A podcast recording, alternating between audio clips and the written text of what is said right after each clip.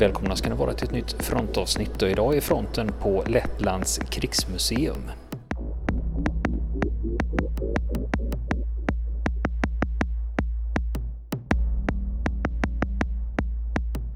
Det är väl ändå tur att oavsett vart man sig i världen vänder så finns det alltid ett krigsmuseum runt hörnet.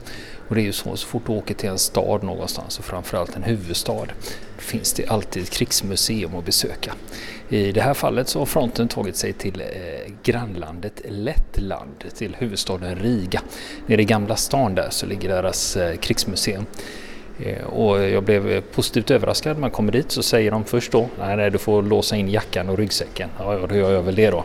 Och tar med mig min lilla bandare in. Och sen när jag ska stå och krångla med massa eurosedlar och sånt i kassan då säger de, nej men det är ju gratis. Eh, jaha, är det gratis? Vad bra, för jag hade sett en skylt med lite priser och sånt. Och där stod det 10 euro och 15 euro men det var man skulle ha guidade turer och sånt. Så att det är bara att hänga av sig jackan i ett gratis skåp och knalla in. Eh, det vi börjar med här det är 900-talet och eh, upp till 1500-talet det är första salen. Lite hillebarder, lite yxor, lite kanoner. Porträtt på Martin Luther bland annat. Och eh, i den här salen så står faktiskt ingenting på engelska eller något annat språk. Utan det är lettiska faktiskt. Som kan göra att det lite, eh, kan vara svårt att begripa en del grejer. Till exempel säga att det är en teckning av en borg. Så kan jag säga att det är 1600-tal i alla fall. Men var den ligger, vad den heter och vad den har haft för funktion. Det går mig spårlöst förbi faktiskt.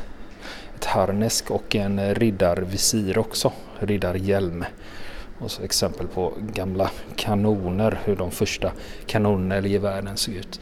Här är det från 1500-talet. Så man kan i alla fall härröra vilket sekel det är ifrån även om man inte förstår de utförliga förklaringarna på lettiska.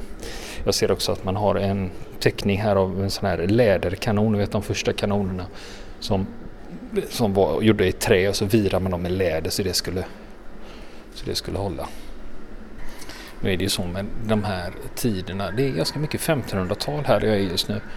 Ja, och sen har vi också ett eh, armborst. Det är 1600-tal. Det är gjort i trä med intarsia med något fint. Det ser ut som elfenben eller något eh, pärlemorliknande. Är det nog snarare ett pärlemorliknande intarsia. Och sen också en spännanordning då till armborstet. Och det är klart, eh, så är det ju ofta när man börjar på krigsmuseum. De börjar från början och så kör de därifrån. Sen också musköter och värjor från 1600-talet med även lite benskydd. Benskydd eller armskydd som man kan hänga på sig. Och så två par flintlåspistoler eller liknande. Det är, ja, nu är det ju så när det gäller gamla vapen är jag ganska kass på.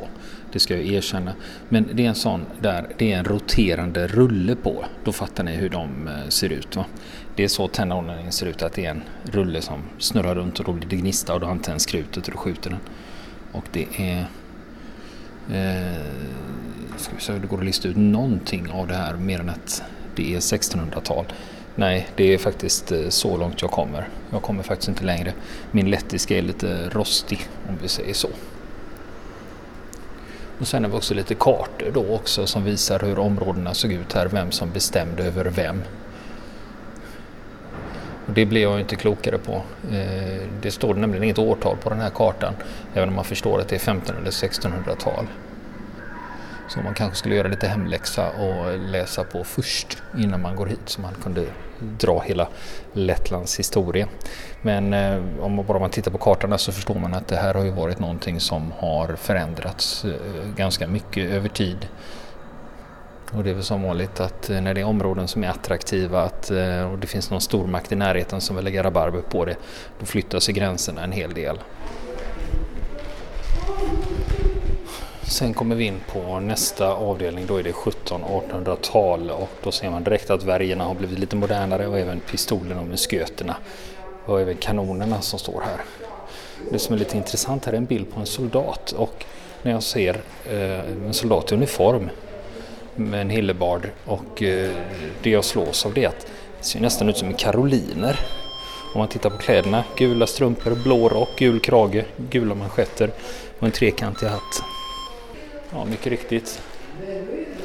Här hänger ju en... Eh, här hänger ju Karl XIIs sigill på en... Eh, det är på en fana här inne. Då är det Karl XIIs sigill, mycket riktigt. Med de dubbelvända C-erna. Eh, eller ett C är ju vänt in i det andra och så en krona.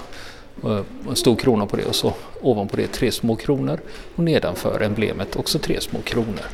Och då var jag inte helt ute och snurra. Och det är ju så att eh, i och med att eh, det här landet låg ju ganska nära Sverige och det är väl klart att det är inte ovanligt att de var här och härjar. Och här har vi illustrationer och det här är Riga. Ska vi se. Riga år 1700 och då skildrar man ett slag här med soldater och hästar och grejer och lite kanoner och sånt. För de som inte är så slängda på lettiska så finns det ju också en eh, eh engelsk eh, ljudguide man kan eh, betala för nere i receptionen så kan man gå runt och lyssna på det. Här har du i alla fall en chans att bli lite klokare inne på avdelningen som har med 1700 och 1800-tal att göra. För att här har de nämligen satt upp en karta med de olika regionerna i, i Baltikum. Och den är nämligen på tyska den här eh, kartan så då blir det med en gång för mig i alla fall lite lättare att förstå vad det är de menar. Sen har man också illustrerat då hur eh, de här eh, hur de här delarna styrdes då. Att man hade en senat med, med, och sen var det generalguvernörer och guvernörer och sen landsråd, landsrättskollegium och sen eh, landsdagen och sen landmarschaller, landmarsals heter det, som är längst ner när det gäller på att bestämma. Då. Sen kommer vi faktiskt in på en, eh, något som faktiskt ser ut som eh, vilken eh, typ av utställning som helst och då gäller det första världskriget. Och här börjar man känna igen sig lite när man har sprungit på en del museer att här står det dels på lettiska och sen så står det också på engelska och då börjar det bli lite lättare eh, för oss svenskar i alla fall att eh, leta oss runt här. Och då blir det också lättare att läsa sig till och förstå lite sammanhang då. Vad det här handlar om. Och då står det att i november 1915 då var det de tyskockuperade territorierna av Krutsemi och Zemgali.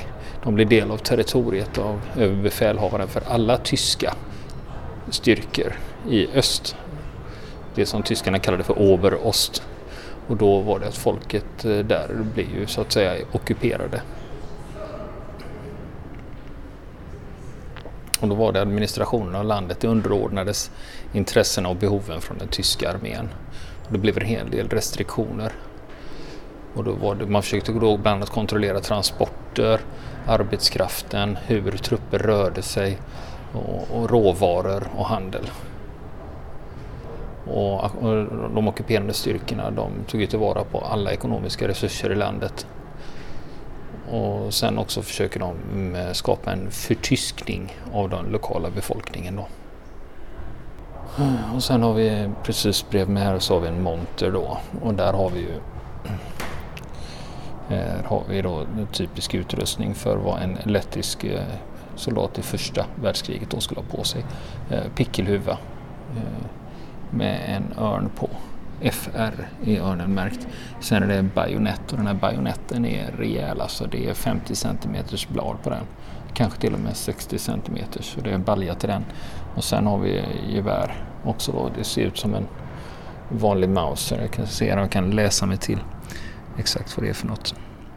Ja, det är en Mauser, en Kar 98. Eh, de har vi ju sett, på, många svenskar har ju sett dem på nära håll. Sen har vi också en värja. Sen har vi en liten animerad skärm här som visar hur eh, de tyska styrkorna ryckte fram i, i Lettland då från eh, 1915 när de kommer in söderifrån. Och sen tar sig upp och så sticker det ut som en halvö där. Och den tar de under senare delen av 1915. Och sen fortsätter de rycka fram.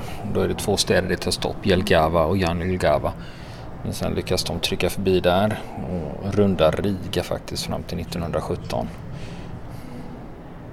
Så halva landet låg under tysk kontroll där. På västfronten så börjar man ju hösten 1914 med stridigheterna där. Medan på östfronten så var det mera rörligt. Efter att eh, ryska armén hade besegrats i Östpreussen och, Litu- eh, och eh, Litauen. Och det armégrupp Lauenstein, det var en kavallerienhet. De kom fram till Kurzem mot Semgale våren 1915 och sen fortsatte de offensiven mot Liepaja och Jelgava. Tyskarna stoppas i Jelgava. Och två lettiska hemvärnsbataljoner som tidigare hade stridit i Litauen det var de som började med att förstå, det var de som eh, stoppade det första anfallet mot staden Jelgava. Och sen på våren 1915 lyckas tyska armén ta en del av Kurtseme. Kurtseme och eh, Zemgale det är alltså två provinser som ligger i södra delen av eh, Lettland. Och det var ju de eh, större delen av de eh, provinserna som tyskarna lyckades ta då och lägga under sig. Sen har vi eh, lite affischer och det är ju tyska. Eh, en som gör reklam, eller det är flera som gör reklam för att man ska köpa War Bonds. Alltså investera i kriget. Och eh, här handlar det en del om de ockuperade områdena, Kurzeme då bland annat att de fick ut tyska papper då. De fick pass då som de var tvungna att ha med sig och visa upp. Så man hade eh, också fingeravtryck i de här, liksom, vad vi idag kallar för biometriska data. Och sen har vi de tyska fältgendarmernas vaktbricka, det är en sån halvmåneformad som de hänger runt halsen. Står Gendarmerie Deutsche Verwaltung für Kurland. Ja, nu var det också en pusselbit som, fanns, som föll på plats. När man säger Kurzeme, det är det lettiska namnet, medan tyskarna använder sig av begreppet Kurland. Och begreppet eh, Kurland, det är namnet på regionen då, det är den västra, västraste regionen i Lettland. Eh, den som ligger längst ut, eh, allra längst ut vid Östersjön där det sticker ut som en liten halvö i havet också. Då, bara man läser lite noggrant här så får saker och ting sin förklaring. Sen är det en annan sak som jag funderar på när det gäller det här museet. När man kommer in på en ny avdelning, varje avdelning är ett rum och när man kommer in då så sitter det en person på en stol där som jobbar här och då tänkte jag de är här för att hålla vakt och sådana saker. Men eh, kan man fråga dem om saker fyller någon funktion? Jag blir ofta eh, orolig när jag ser dem och tänker herregud jag kanske inte får spanda ljud här. Jag har råkat ut för det på en del museer nämligen att de är sura på det att man inte får gå runt och banda ljud. Man får inte filma, får inte fotografera men jag har inte sett några som helst eh, frågor om det här. Mm. Och temat på det här rummet handlar ju då om eh, ockupationen. Nu gick det förbi en personal precis som mötte mig här i en gång och ser att jag går och bandar och pratar men det var ingen reaktion där så att eh, då får vi lita på att eh, det funkar. Är det någon som är intresserad av eh, ryska gamla första världskrigsgevär så hänger det ett eh, M9110 och det är kosackmodifierat och kommer från Ryssland. Och sen också en kosackmössa, eh, Kosak-uniformskeps eh, och en sadel också. Och så en bild på en kosackpatrull i Kurland då. Eh, de säger Kurzeme här men jag har för mig att Kuran är det vedertagna namnet på det i Sverige så jag får väl hålla mig till det. Och i oktober 1915 eh, då var det generalstaben för ryska armén. De gick ut med en order att man skulle rensa en 22 kilometer stort område från fronten. Och då var folk tvungna att lämna, och lämna sina hem och bli evakuerade. Under den här tiden så stabiliserar sig frontlinjen också. Och under de kommande åren så Riga-sektorn av fronten den försvarades mot tyska åttonde armén och ryssarnas tolfte armé. Och eh, så finns det en sektor som sträcker sig mellan två platser som heter Koknese till Dagavpils och där var det ryska femte armén. Och det var tiotusentals lettiska soldater som tjänstgjorde i de här arméerna, både infanteri och andra förband som flyg, artilleri och även ingenjörstrupper. Och när de första lettiska infanteribataljonerna ställdes upp under sommaren 1915 eh, då var det många av de eh, soldaterna som lade in önskemål om att de skulle föras över till eh, grupper som bara förband då, som bara innehöll lettiska, lettiskt infanteri. Och sen har vi då en liten avdelning som handlar om just de lettiska soldaterna när de då tjänstgjorde i infanteriet eh, och i ingenjörsförbanden och artilleriförbanden. Hänger en Nagant revolver modell 1895. Och sen har vi också patroner 762 x 54 modell 1908. De är ryska då. Sen lite olika förbandstecken och medaljer hänger här också. Jag vet att det är flera av våra lyssnare som är intresserade av ordnar och medaljer. Eh, och här på museet så hänger bland annat eh, Sankt Vladimirs orden i fjärde klass och den eh, tilldelades Praporchik. Så vill du, är man väldigt, väldigt intresserad av att se Sankt Vladimirs orden så får man åka hit och kika på den då. Sen har vi eh, experimentkanon 40 mm och det här är skyttegravsgranatkastare. Jag ser det är två stora hjul och så ett eldrör med vad som ser ut som en stor fjäder på. Det är väl någon form av rekylanordning och sen då en skyddsplåt då eh, för de som bemannar den med lite hål som man kan kika igenom. Och sen lite olika artilleripjäser. 120 mm spränggranat var det Och alltså 152 mm och även 42 mm. Och sen har vi flygare här från ryska femte armén, 13 skvadronen och då är de närheten av Dugavpils, Det är tagen 1916. Det är synd att de inte skriver ut vad det är för flygplan. För det är aviatörer som står framför ett flygplan och då skulle man gärna vilja veta här nere står det. Eh, här är besättningen. Det eller eh, planet heter Ylja Moromets. Det är en tungt bombplan. Och sen också konstruktören av flygplanet som heter Igor Sikorsky. Just det, ni hörde rätt. Igor Sikorsky, det är ju han som man kallar för helikopterns fader. Så han finns på bild här på krigsmuseet i Riga. Och sen har vi en flygaruniform och en flygarhjälm då också. Och lite bilder på flygare. Eh, sen har vi då en uniform från en lettisk infanterist. Och eh, då har han en keps och en uniformsjacka som ser väldigt, väldigt, väldigt rysk ut. Den här är väldigt ljust tyg, beige, kaki, nästan vit.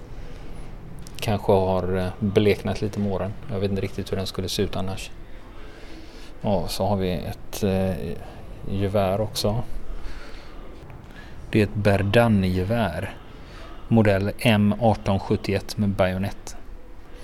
I början när eh, infanteristerna utbildades då saknades vapen för när de skulle utbildas och därför så tog man gamla Berdan-gevär för att öva målskytte med dem. Medan de som befann sig i strid, de hade inte den här typen av vapen. Och så lite olika granater också. En rysk granat, en RG14. Och eh, RG14 den är i metall och den har eh, som ett handtag som sticker ner. Påminner lite om den tyska granaten men det här är halva delen en sprängdel, andra halvan igen eh, ett handtag i metall då. Och sen eh, också en brittisk granat, eh, citrongranat, Lemon, nummer 16, Mark 1. Och den är från Storbritannien och den hade man när man utbildade eh, lettiska infanterister. Och man har två eh, granater som är snarlika nummer, nummer 15 och nummer 16 och de var brittiska då, de här granaterna. Sen pratar man om eh, flykt eftersom tyska armén kom in söderifrån. Så blev det en stor flyktingström. Efter de framgångsrika slagen runt Dagagriva fortet och så även hemvärnsbataljonerna vid Jelgava. Det var det viktigaste som bidrog till beslutet av eh, lite olika lettiska officerare, politiker och eh, kända personer att vända sig till den ryska armén för att få lov att eh, forma den nationella lettiska eh, för att få tillstånd att bilda lettiska militära styrkor. Och det bestämdes 1 juni 1915. Och då var det två lettiska infanteribataljoner som det handlade om i det läget. Och sen eh, 10 augusti gick tidningarna ut och tyckte man skulle, eh, skulle ställa upp som frivillig. Och då ville man ha frivilliga mellan äh, då ville man ha frivilliga i åldern 17 till 35. Första dagen så anmälde sig 472 frivilliga. Och sen åkte de iväg på utbildning i Milgravis. Och under första världskriget så var det 8000 personer som anmälde sig frivilligt för att bli en lettisk infanterist. Och de här var viktiga på det viset att eh, det handlade om att ena nationen och eh, höja sitt eget självförtroende. Och det är klart när man plötsligt har militära styrkor då, egna militära styrkor som man uppenbarligen inte hade haft, fått ha innan. Men det blev i alla fall åtta stridsbataljoner och en reservbataljon av lettiskt infanteri. Och de sattes upp från augusti 1915 till februari 1916 och det var frivilliga och var det så när de eh, bildade det här då var det andra, då fanns det redan lettiska soldater och officerare i andra delar av den ryska armén. Då bad de att få bli förflyttade då. Och så hade också de lettiska soldaterna sina egna symboler i form av en bricka, på, ett märke på bröstet och även egna bataljonsflaggor. Mm. Nu gick strömmen här inne. Och det blev helt mörkt och det spelades lite musik i bakgrunden. Det blev helt tyst. Men nu kom den tillbaka. Och eh, när vi pratar om att de hade egna fanor och egna symboler. De här flaggorna hänger här när det gäller de lettiska infanteribataljonerna. Här har vi eh, tredje Kurlandsbataljonen. Strelnikubbataljonen är intressant. Jag pratar om, nu när jag är inne på utställningarna som handlar om första världskriget. Den är, där är man lite mer klassisk museipedagogisk. Man har gjort ett urval av saker, man har presenterat på ett snyggt sätt och man har dessutom engelska texter som förklarar lite kortfattat vad det är man ser för någonting. Ja, det är faktiskt eh, trevligt där man gör den här typen av grejer. Det blir nämligen en risk när det gäller sådana här armémuseum och krigsmuseum. Att man satt upp dem på 40, 50, 60-talet eller någonting och sen har de liksom bara fått stå utan någon museipedagogisk utveckling. Och här är det ju skoj att man har tagit intryck från andra. Mm, då kan man undra när vi då pratar om första världskriget och de lettiska soldaterna så hänger det en Smith Wesson revolver här i i en monter. Den är faktiskt eh, antingen är det väldigt högpolerat, spål, spå, högpolerat stål eller också är den kromad. Det ser nästan ut som den är eh, upppolerad till, så den glänser så. Och det är en Smith Wesson nummer 3 DA modell 1881. Och det var det att det här var det rekommenderade personliga vapnet för ryska arméofficerare. Så det, så det är därför den eh, Smith Wesson revolven hängde här. Annars hade han ju egentillverkade också. Nu gick strömmen och kom tillbaka. Så här hände det grejer. Mm. Sen har vi också stora fotanglar här. Men de är alltså, fotanglar brukar inte vara mer än några centimeter. De här är uppåt 30 centimeter höga med vassa metallspett som sticker åt alla håll. Och de använder man vid skyttegravar för att avgränsa dem. Jag sa war bonds, jag menar självklart krigsobligationer. Och sen har vi en gammal Singer symaskin här, fotdriven som då ska symbolisera hemfronten. och Ett gammalt strykjärn. Och sen kommer då en förklaring om eh, en karta här med frontlinjerna som visar vad det gick då att Lettland var ju delat på mitten och så fanns det en front. Och här beskriver man också anfall då av de eh, lettiska infanteribataljonerna då. Och det var första striderna för de lettiska eh, infanteribataljonerna eh, hösten 1915. Och det var i oktober 1915, då var de första tre lettiska bataljonerna eh, i stort sett fullständiga och utrustade och utbildade. Då fick de svära militäreden och så skickades de till fronten i slutet av oktober och där de påbörjade sin tjänst med så som det var tänkt. Det var bland annat spaning, kommunikation och att skydda flankerna för de ryska trupperna. Och sen skriver man då också var de första bataljonerna stred någonstans. Och sen har vi första och andra kompaniet. Deras uppdrag var att få information om var fiendens positioner på Misaflod, vid Misafloden. Och soldater från bägge kompanierna attackerade de tyska positionerna på natten den 30 oktober vid Plakani och den 23 november vid Veisi. Och då lyckades de dels ta troféer och också krigsfångar. Och de här framgångarna då, det höjde ju självförtroendet eh, för de lettiska soldaterna.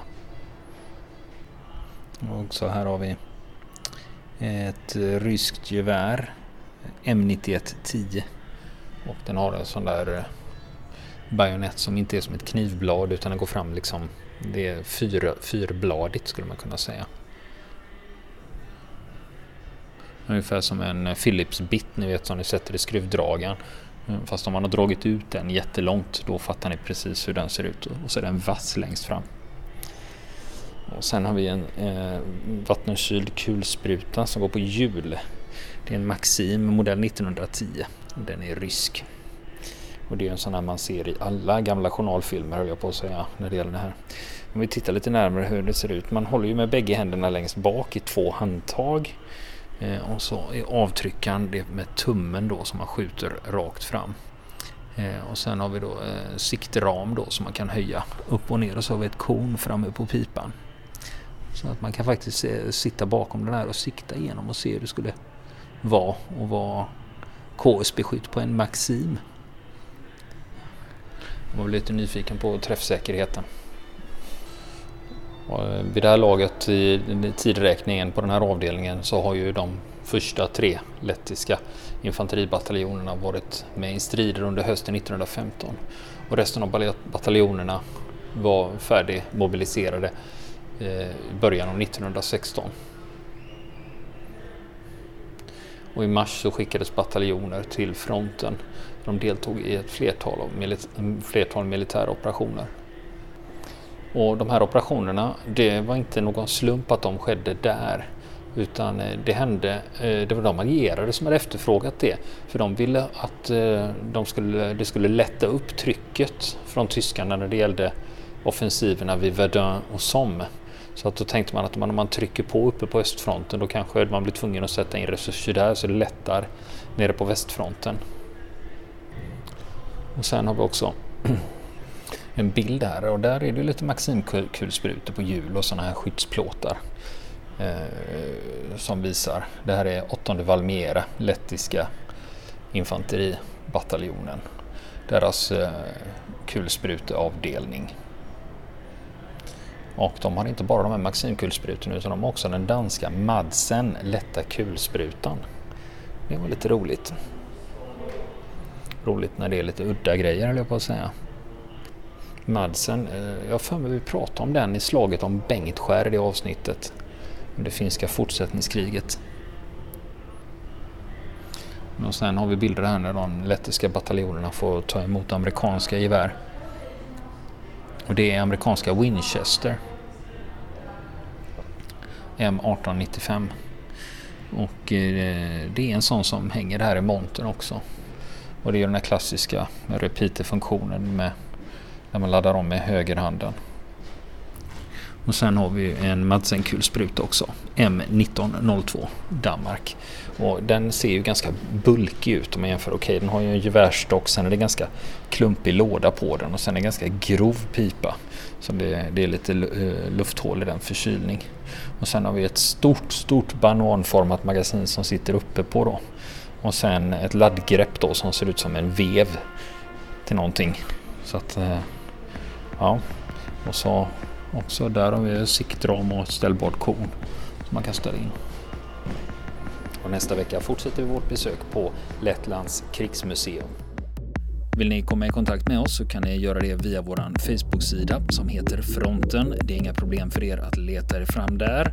Eller också så mejlar ni på vår mejladress och det är frontenpodcast.gmail.com.